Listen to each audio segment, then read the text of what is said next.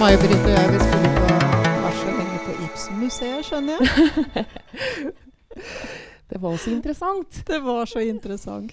Det er alltid gøy å gå på Ibsen-museet. Men nå er vi på Grimstad bibliotek. Mitt navn er Anita Estensen, og jeg skal være vertskap i kveld. Dette arrangementet er et uh, felles arrangement mellom Grimstad bibliotek og Grimstad bysmuseer. Og vi har kalt det for Kjenn din Ibsen, hvor det er kjente og ukjente stykker av Ibsen som blir presentert. Og programmet sånn for ordenshets skyld. Um, først så kommer foredragsholder til å snakke. Og det blir tatt opp uh, til podkast, så det blir lagd en podkast etterpå.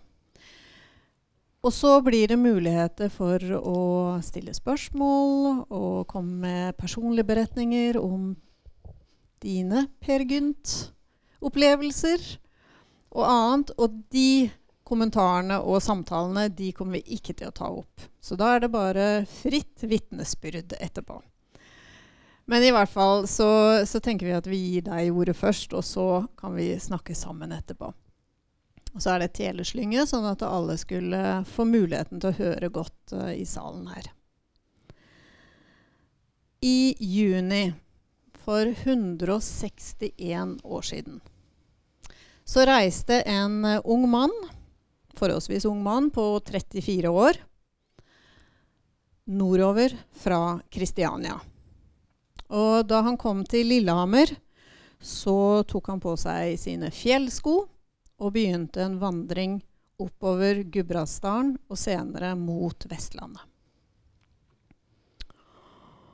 Og den vandringen den skulle vare i flere måneder. Han hadde jo hele sommeren foran seg, og den brukte han. Og formålet med den turen, det var å samle folkeviser og sagn etter modell av Asbjørnsen og Moe. Og for 161 år siden så var det en, eh, en ganske stor aktivitet rundt. Og denne unge mannen ville gjøre det samme. Da han kom tilbake igjen til Kristiania to måneder etterpå, så hadde han ikke samlet én eneste vise. Og de sagnene som han hørte, hadde han heller ikke skrevet ned. Så det var jo ganske mislykka tur sånn sett. Og han hadde fått stipend for denne turen. Og det var ikke så lett å svare for de pengene. Men det var ikke verre enn at han fikk et nytt stipend, da. Men det hører ikke til denne historien. I stedet for å notere ned det han hørte, så, og fylle notatbøkene sine med folkeminner, så sugde han til seg et stoff som han senere skulle forvandle til det som vi i dag mener er en klassiker. Og denne mannen var jo selvsagt Henrik Ibsen. Og verket som sprang ut av denne turen, var Per Gynt. Og i dag så har vi besøk fra Gudbrandsdalen. Fra Per Gynts rike. Og det er May-Britt Støve som er administrerende direktør i Per Gynt AS. Men på folkemunne så er det jo gjerne stevne på Gålå. Og um, i dag så skal du få lov til å dele din lidenskap for Per Gynt. Vær så god. Tusen takk. Tusen takk, Anita. Og det er en stor ære for meg å være her. Eh, for jeg har hatt eh, stor kulturopplevelse i dag med å være på Ibsen-museet. Eh, jeg var så heldig å få være på premiera i Fjærheia med Per Gynt. Altså, det skjer ikke at det er en Per Gynt-forestilling i Norge uten at jeg sitter i salen. Så sjøl om oss var midt i oppkjøringa til vårt uh, Per Gynt-teater, så måtte bare avslå et par dager og reise, reise hit ned. Så eh, takk til dere medforvaltere av Ibsen, at dere gjør det så bra og så grundig. Hvis det kan interessere dem at vite, så er Per Gynt en virkelig person der har levet i Gudbrandsdalen. rimeligvis i slutningen av forrige århundre eller i begynnelsen av dette. Hans navn er ennå godt kjent blant allmuen der oppe.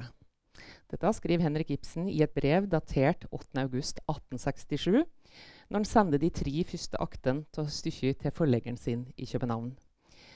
Bakgrunnen for det er at han fem år tidligere som Anita sa, vandra gjennom Gudbrandsdalen Uh, og som, eh, som, hun nevnte, en var kanskje ikke så eh, Leverte kanskje ikke helt på oppgaver som en hadde fått. men lokalt så tror jo oss at en har hørt de historiene og de sengene som det da var ganske rikt rike historier om, om Per Gynt, som hadde gått på folkemunne i mange år. Og historien dem handla om en Per på Hågå, altså en Per Gynt. Og på dialekt så er gyne Det heter å knipe igjen ene øyet og så se når den skulle fyre av børsa. Uh, så Per Gynt uh, skulle ha levd på gården Hågå i Fron uh, på da et gitt tidspunkt. Uh, og det som var spesielt med Per Gynt, det var jo at han hadde veldig god kontakt med de underbuende, eller underjordiske. Og da spesielt den vakre, men farlige huldra. Den hadde Per Gynt taket på. Så mye av sengene handler jo om forholdet mellom Per Gynt og Huldra, som en, som en da møtte. Og en jakta innover mot Rondane, så det er jo i det, det området der de Eh, det er stadfesta hvor, hvor, de sengene har sin opprinnelse. Men uh, Ibsen refererer jo òg til Asbjørnsen og det som står i eventyra uh, som hen har skrevet, som, som han sier, der han sier at det var en skytter i Kvam i gamle dager.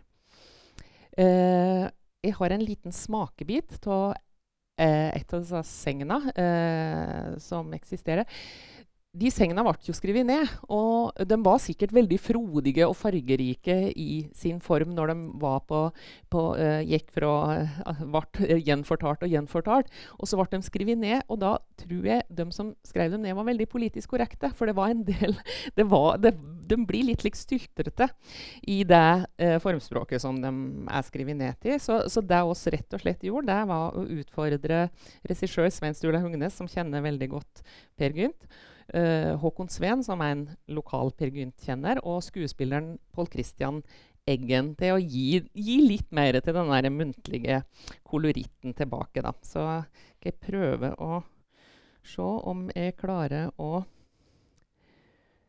få i gang den lydfila her. Like frampå her er det ei svaberg helt innåt vega. Det ser ut som en stor benk. Det er nok mange som har tatt seg en hvil der. Styggtidlig en haustdag kom en Per ranglende nedover lyslia med børse og skreppe. Han var nok på tur inn i Rondane for å se etter en. Brått fikk en høre musikk. Noe alminnelig fin fellåt blanda seg med fuglesanger fra treom. En bruslått hørtes det ut til å være. Per skjønte fort at slik musikk på en slik plass på denne tida kunne ikke være vanlige folk som sto for. Han sette fra seg børsa pent innpå en bjørkelegg, smaug seg bakom ei kjørre og gløtta fram. Der kom det helt brurfølge. Det var spellemenn, kjøgemester, brur og brugom og mange flere. De var små til vekst, omtrent som unger. Brura var vakker, med krone og bringshølvsåre lava. Brugommen var ingen blome, pynta og fin, men gommel og men også så lang som ei rivskaft. Hele bryllupsfølget tok en hvil i lynga mellom kjørom der. Prata, skratta og kosa seg helt til spelemannen stemde tin marsj.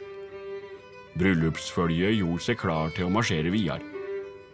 Da var det ei lita gammel kjerring som gikk til sides for flokka, pekte på børsa og sa Nei, sjå, der står jammen med børsa hans Per Gynt så var de plutselig borte. Kunne det være soloppgangen som kom for brått på dem, tru? Dere vet kan det går med trøll da. Dem som ikke sprekker, blir til. Helt rett. Svaberget, brurbenken, ligger i alle fall der den dag i dag. Ta en god hvil her, Det kan være mye rart å se hvis en bruker fantasien og ser skikkelig etter. Og etterpå ha en god tur videre.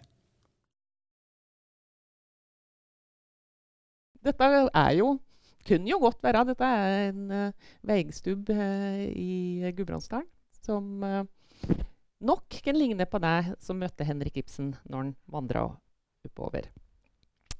der ser du Ibsens reise, som Anita prater om, som skjedde i 1862, og som gikk over til Vestlandet, over Sognefjellet og tilbake da sannsynligvis om Romsdalen og, og oppover der.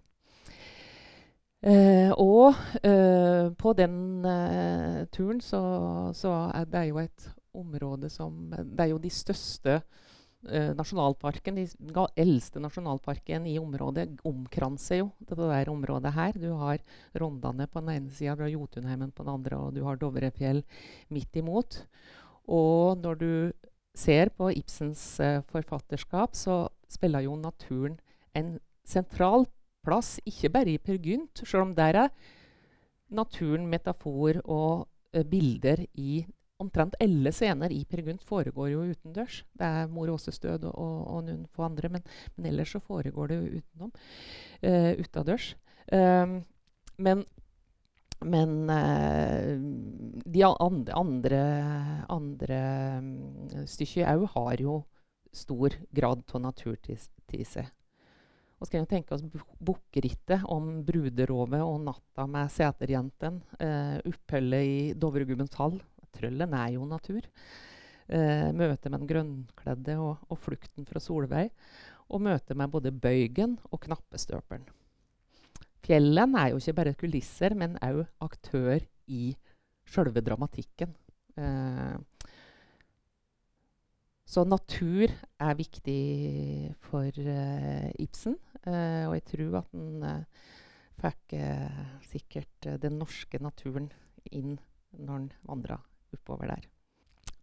Oss er jo veldig glad i det som står fremst i absolutt alle alle dramaer som er utgitt. Uansett språk så står det handlingen der begynner i førstningen av dette århundret og slutter hen, slutter hen imot våre dager, foregår dels i Gudbrandsdalen og på høyfjellene der omkring. Og det er jo det vitnesbyrdet der som gjør at uh, Per Gynt tidlig starta uh, med uh, festival, kulturfestivalen Per Gynt. Den gangen het det Per Gynt Stemne. var for første gang i 1928. Den gangen kom det kjendiser fra Nationaltheatret og hadde tablå lokalt. Det var journalisten, felspilleren og kulturmenn Paul Kluften som var initiativtaker til den festivalen da. Um, da sier jeg at det er Norges eldste festival. Jeg vet ikke om jeg har dekning for det engang. Jeg sier det lell, for jeg har ikke funnet noen som, eh, som er fra 1928. Det har riktignok ikke vært årlig siden 1928. Det har vært først fra 1967. Men allerede i eh, 28 så satsa de eh, ganske hardt, og, og, og det, var, det, var, store skuespillere og, og store eh, uh, kulturpersonligheter som, som, var på besøk. Uh, og det hele var dyrka fram av frivillige i dalen. Det er jo, altså Ibsen lot seg inspirere av natur og av forholdene eh, rundt omkring. Ikke bare i Gudbrandsdalen. Så kan ikke slå eie på alt. En, en finner jo inspirasjon uh, mange steder. Uh, men det er jo mange som har latt seg inspirere av eh, Per Gynt. Og det som kanskje er mer kjent enn sjølve stykket, er jo Griegs sin Per Gynt-suite. Og den jo eh, Den lever jo fortsatt i, i dag på eh, både store blockbustere, altså filmer, og i reklamefilmer rundt omkring. Um, i konserthaller over hele jorda. Uh, og så har du jo òg jazzmusikere som Duke Ellington, som har, uh, har sin Per Gynt-musikk. The Who hadde jo en eh, Var jo òg inspirert av Griegat og, og, og hadde sin Per Gynt-musikk. Og, og maleren Edvard Munch har òg uh, måla kulisser til uh, premiera i Paris uh, for Per Gynt, og, og har òg identifiserte, altså ved flere anledninger sagt at han identifiserte seg med skikkelsen Per Gynt. Uh, det et, blir skrevet ut fra et psykiatrisk sykehus i Danmark. og da tar han farvel med en av sine gode venner med ordet at nå drar Per Gynt hjem til Norge. Uh, så så hen, hen, hadde, hen, bar med seg Per Gynt-skikkelsen og, og, hadde et sterkt forhold til det. Og det vitner jo om at det oss uh, har, altså Ibsen som Norge har, er jo et ikon i verden. Uh, og det skinner jo, den stjerna skinner jo like sterkt som mange av de andre ikonene rundt omkring som vi kjenner til. Dette er uh, et uh, bilde av hvordan Per Gynt er i verden fra første forestilling, urpremiere, og fram til i dag. Uh, så dette er kun Per Gynt. Uh, spillesteder for Per Gynt. Det er klart, Norge er jo teppebelagt Hele Europa er jo teppebelagt. Men ser USA altså Det er ikke ett eneste kontinent der Per Gynt ikke har vært spilt. For moro skyld så tok jeg òg ut statistikken fra de tre siste åra. Og da minner jeg på det har vært en pandemi. Og til tross for det så ser kartet slik ut. Dette er de tre siste åra uh, der Per Gynt har, har vært tolka rundt omkring i verden. Så det er jo en Ibsen er en gigant, og Per Gynt er ganske, ganske stor rundt omkring. Per Gynt er jo ei eh, livsreise eh, for en person. Det beskriver jo ei livsreise for en person fra han er 17-18 år og til han blir en riktig gammel menn. Um, så den ytre reisa vil jeg eh, si litt om, om uh, nå. Um, jeg har også illustrert det med, med bilder fra uh, vår forestilling som går nå uh, ved Golvatnet, uh, der Aksel Hennie spiller tittelrollen. Hvis jeg sier 'Per, du lyver', hva sier dere da? Ja! Bra! per kommer hjem igjen etter lang tid borte. En innbiller mor Åse at han har ridd på ville bukker over Besseggen. Mor Åse skjeller han ut for å være en udugelig drømmer, men, hun finner òg stor glede i historien hans. Vi får vite at Per Gynts far, Jon Gynt, en var en rik menn før han festa og drakk bort alle pengene. Og stakk. Nå ligger gården øde og brakk. Og siden Per Gynt ikke er veldig opptatt av gårdsarbeid, så forteller mor Åse at Hekstadbondens datter Ingrid skal gifte seg med en Mats Moen og at Per kunne vært brudgommen. Om Per hadde spilt korta sine litt bedre. Per bestemmer seg for å utfordre skjebnen og drar til Hekstadgard. Og på vei til Hekstad begynner han å drømme. Det er ikke lett for han å komme ned til bygda hvor han vet han har vært uglesett, og dermed så drømmer han at den, at han en gang eh, bli skal bli keiser, og at folket i bygda blir hans lakeier. Brått blir han vekt av drømmen av en Aslak Smed og brudgommen Mats Moen. De erter som vanlig, men samtidig utfordrer dem, dem hen på at hen ikke tør å komme på bryllupet. Og hva gjør hen da? Sjølsagt, hen drar til gards. Per ankommer Hegstadtunet og vekker forargelse og nysgjerrighet hos bryllupsgjesten. Aslak Smed og de andre skjenker Per full og ber ham om å fortelle historien som de kan mobbe ham for. Plutselig står ei ung kvinne foran og byr ham til dans. Det er Solveig, ny i bygda og fra en haugianerfamilie. Per får plutselig oppmerksomhet fra en, ei som ikke erter helt dømmen, og blir betatt av Solveig fra første øyeblikk. Samtidig har brura, Sol, uh, brura uh, Ingrid stengt seg inne på stabburet og nekter å komme ut til eget bryllup. Mats Moen ber naivt Per om hjelp, og hjelp får han. Ingrid åpner døra for Per, slipper han inn, og sammen rymmer dem fra bryllupet og opp på fjellet. Brurerov. Hele bygda med Hekstadbonden i spissen blir rasende. Det er lynsjestemning, og Per skal drepes. Mor Åse står maktesløs tilbake. Kun én person vil lytte til henne, og det er Solveig. Mor Åse forteller at det er hun som har lært Per å rømme fra det traurige hverdagen ved å fortelle eventyr. Solveig lytter og bestemmer seg for å hjelpe mor Åse med å finne Per før det er for seint. Hekstad um, Jeg har prata mye ved ungdom, altså folk i uh, uh, for, Altså sko skoleelever, om akkurat dette der som skjer på Hekstad. For Hekstad-scena er det veldig lett å sette inn i nå, nåtida. Altså det er en fest for ungdom. Det er drikkepress, det er mobbing, det er sexpress. Det er på en måte mye av de ingrediensene som og, og, ungdommen skjønner det. altså Når du peker litt på det, så, så, klarer de å relatere ganske raskt til sin egen hverdag. Det som er dramatisk på Hekstad, er jo at i løpet av den kvelden så blir flere, ikke bare Per, Solveig, Ingrid sin skjebne forsegla for resten av livet. Vi får jo høre hvordan det går med dem seinere.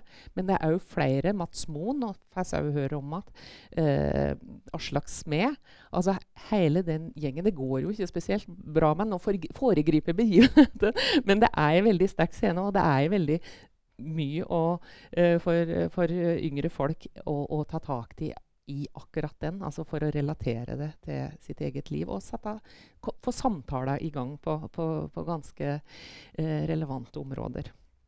Eh, men tilbake til eh, Solveig og Moråse, eh, som prøver å finne Per før det er for seint. Per og Ingrid våkner opp etter ei heit natt, men Per angrer seg. Minnet av Solveig som han traff dagen før, er så sterkt at han ber Ingrid om å gå. Ingrid blir sjølsagt rasende. Hun føler seg utnytta, brukt og tråkka på, men ber likevel Per om å ombestemme seg og ta henne men Per står fast på sitt og ber igjen Ingrid om å gå og si djevelen står i alt som minner, djevelen står i alle kvinner, unntatt ei. Og hvem er så det? Jo, det er Solveig. Per er alene på fjellet, og han drikker seg fra bakfylla og inn i fylla igjen. En er redd, en er lei seg, en har dårlig samvittighet, og dagdrømmer klarer og dagdrømmen klarer ikke helt å frigjøre han fra redselen over hva han faktisk nå har gjort. Med bruderovet vet han nå at Ella er etter han, og at han rett og slett er dømt til døden. Og Per forsøker mentalt å rømme fra situasjonen. Han faller til slutt om utslitt og redd. Per fantaserer og drømmer om at den grønnkledde kvinnen plutselig forfører han. Det er Dovregubbens datter, forteller hun. Og Per drømmer denne deilige drømmen videre. Og med ett fylles drømmen av Dovregubben sjøl, og Per befinner seg midt i en stor gjeng av trøll med kledelige haler. Per må løse gåta om hva er forskjellen på menneske og trøll. Og deretter blir han kjent med det trølske ordspråk 'trøll vær deg sjøl nok'. Deretter må Per gjennom alle tester for å kunne arve den grønnkledde og Dovregubbens rike. Men da Dovregubben vil risne i auga for at den ikke lenger skal kunne skjelne rett fra galt, mellom stygt og vakkert, så nekter Per. Det vil han ikke gå inn på. Drømmen har blitt til et mareritt, og trøllen vil nå både rispe den, spidde den og ete den. Men med ett så ringes det i kirkeklukker, langt borte, og alle trøllen forsvinner. Så når det var snakk om en varig forpliktelse, så backa Per ut. Det var greit. Alt, han gikk med på alt. Han åt uh, forferdelige ting og drakk forferdelige ting. og Kunne til og med ha på seg hale. Men akkurat å forplikte seg og snitte seg i øynene og aldri gå tilbake, det gikk ikke Per inn på. Da stakk han heller. Uh, så etterpå der så møter Per uh, den usynlige bøygen.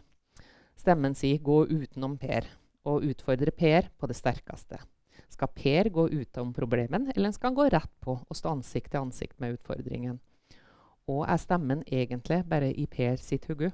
Er det styggen på ryggen som prater? Per kjemper med sin in sine indre stemmer og faller sammen igjen. Bøygen forsvinner da, og det nærmer seg ei kvinne, Solveig. Solveig kommer og forteller en at det hen hun vil være sjå. Per tror ikke sine egne øyne. I et kort øyeblikk til pur lykke leder Per sin kjære Solveig inn i hytta han har bygd, og drømmer om en fremtid sammen med henne. Men da dukker plutselig den grønnkledde opp igjen. Denne gangen med en trøllunge som hun påstår er Pers. Hun truer òg med, å ødelegge forholdet til Solveig ved å fortelle Per at Per har hatt flere kvinner, og sannsynligvis har barn med flere av dem. Per velger å gå utenom og forlater Solveig. Han kommer hjem igjen til sin dødende mor, døende mor og blir lykkelig, som blir veldig lykkelig til å bli gjenforent med sønnen som hun eldre trodde hun skulle se igjen.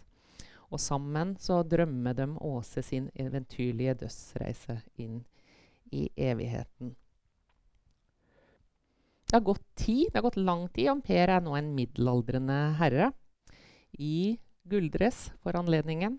Og er i Marokko og møter Per, som har vært ute i verden og gjort lykke som forretningsmann. Og bedriver en god del lyssky virksomhet og kjøpt slaver i Afrika. Sendt gudebilder til Kina og utrolig mye annet som, som ikke er bra. En har et mål om å bli keiser i hele verden. Og det skal han klare i kraft av sin rikdom. Han har invitert en franskmann, en engelskmann, en svenske og en tysker om bord på yachten sin og skryt av sin suksess. Men selskapsherrene har ikke noe sansen for den og, øh, og ender opp med å stikke av med yachten. Når den blir sprengt i lufta, så syns Per det er et lykketreff. For det fortjente de. Uh, dette er jo ei side ved Per som er langt fra sjarmerende, og som eh, eh, viser en ganske kynisk person. Og mange spør jo eh, hvem er Per i dag? Eh, hvis Per har levd i dag, så tror jeg kanskje en har eh, ja, handla med våpen på sendt til Russland. Eh, kanskje profittert på begge sider av krigen, der det er penger. Der er Per, og han har ingen skrupler i forhold til å tjene dem. Så eh, Per kan òg være glad at eh, metoo-bevegelsen var etter hans sin tid. Eh, det kommer jo opp nå. For i 'Aleine i ørken' så møter Altså, han har mista yachten sin, men han har fortsatt hatt penger og, og finner penger underveis òg. Men han er aleine i ørken og møter Anitra og en stor flokk med beduinerkvinner. Eh, det ender opp eh, med eh, at noen blir forført. Altså Per prøver jo så godt han kan å, forføre Anitra. Men hvem som forfører hvem, det er det ikke godt å si. Men enden på visa blir i hvert fall at en blir ribba for resten. At en står atter blakk som ei kirkerotte, har ingen verdens ting. Uh, står att i bare underbuksa. Uh, så en Per veit råd. da tenker en som så at Uh, kan en ikke bli keiser i kraft av gullet, så kan en bli det i kraft av sitt intellekt. Så uh, han uh, hevder å være, nå å være profet. Og han reiser videre til Egypt og møter på Svingsen. Og der havner han i galehuset. Uh, det skjønner han ikke med en gang, for han blir veldig beæra. Men uh, det ender i hvert fall opp med at uh, hun eh, blir krona til keiser i galehuset.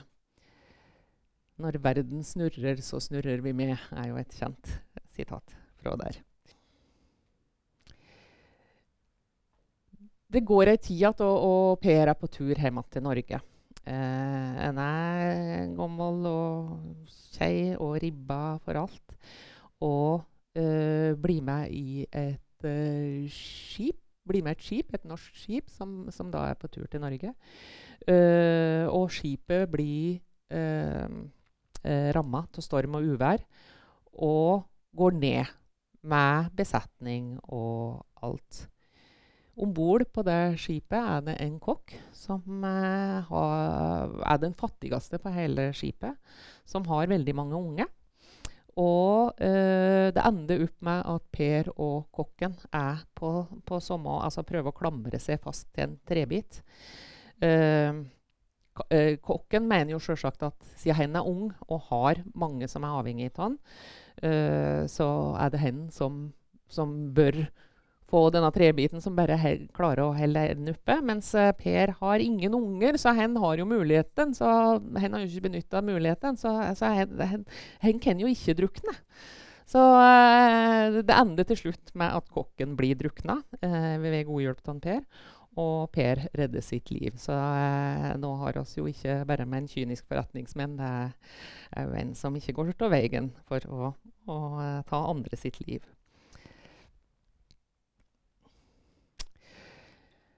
Eh, finalen i Perynt er det jo store, det store eksistensielle oppgjøret mellom med knappestøperen og støpeskjea, der hen vil smelte Per Gynt inn i massen.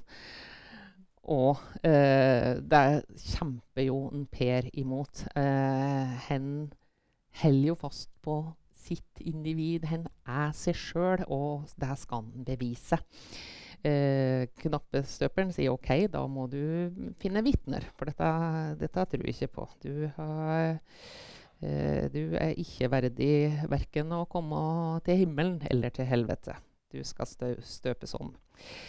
Eh, Dovregubben eh, møter natt. Svigerfar. Det er ikke måte på hvor gjevt det er å møte Dovregubben natt, som en eh, rymte for, for, for, for lenge siden.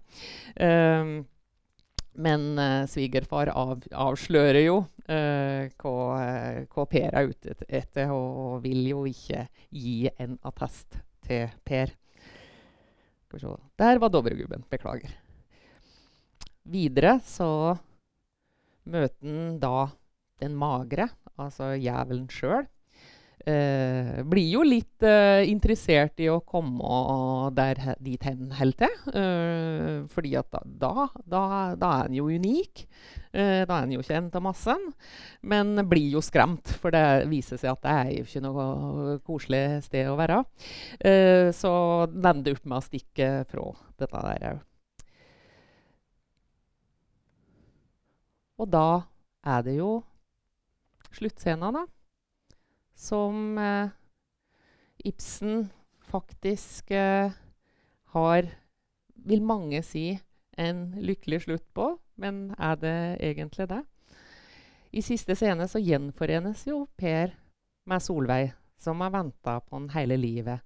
Og det hele ender med en overraskende sterk gjenforening med denne eh, sterke kvinna som har venta, og som har helt Per i, sin, i sitt håp, sin tro og sin kjærlighet. Og det må jeg si etter Jeg har jo vært med eh, på Gålvatn i, i ganske mange år, og, og det er få eh, regissører som velger den tolkninga. Eh, der Ibsen sier jo sjøl at, eh, legg- eh, at Per legger hodet sitt i fanget på Solveig. Eh, mens det er, den tolkninga er ganske omstridt, og det, og det er i hvert fall ikke mange forestillinger jeg har sett som ender slik. Uh, jeg har vært sint på Solveig fordi jeg syns hun har vært dum. Jeg har vært imponert over Solveig fordi jeg syns hun har vært sterk. Altså Snakk om stamina. Å helle fast ved én person. Altså i, særlig i våre dager så skifter oss jo eh, mening og snur oss etter eh, rundt omkring. Og hun bare bestemte se. Dit går hun. Det er egentlig eh, ganske imponerende. Eh, men tror jeg på det? Mm, vet ikke. Dette var den ytre reisa, men Per Gynt er jo i hvert fall for uh, slik jeg tenker det, ei indrereise. Altså, det er jo der gullet ligger, og det er her Ibsen er så genial. Um, han skriver jo ikke om guder slik som Homer, Homer gjorde. Han skriver ikke om konger og dronninger som Shakespeare gjorde. Han skriver om det og meg. Altså De sier i auksjonsscenen eh, på Perynt at eh, om blodet aldri så tynt, en kjenner seg støtt i slekt med Perynt. Og det å sitte, altså for min del ved Gålvatnet, i eh, regn eller solskinn, eh, men å møte meg sjøl med mine svake sider eller mine sterke sider med, eh, Å kjenne, kjenne meg igjen. Altså det, det, gjør jo at stykket blir veldig sterkt og veldig personlig. Og jeg har jo vært um, det er jo, altså det er jo opp gjennom tida altså Du blir prega av det du Altså samfunnet rundt det, altså hva slags situasjon. Jeg husker eh, i, i, 2011 veldig sterkt. Eh, eh,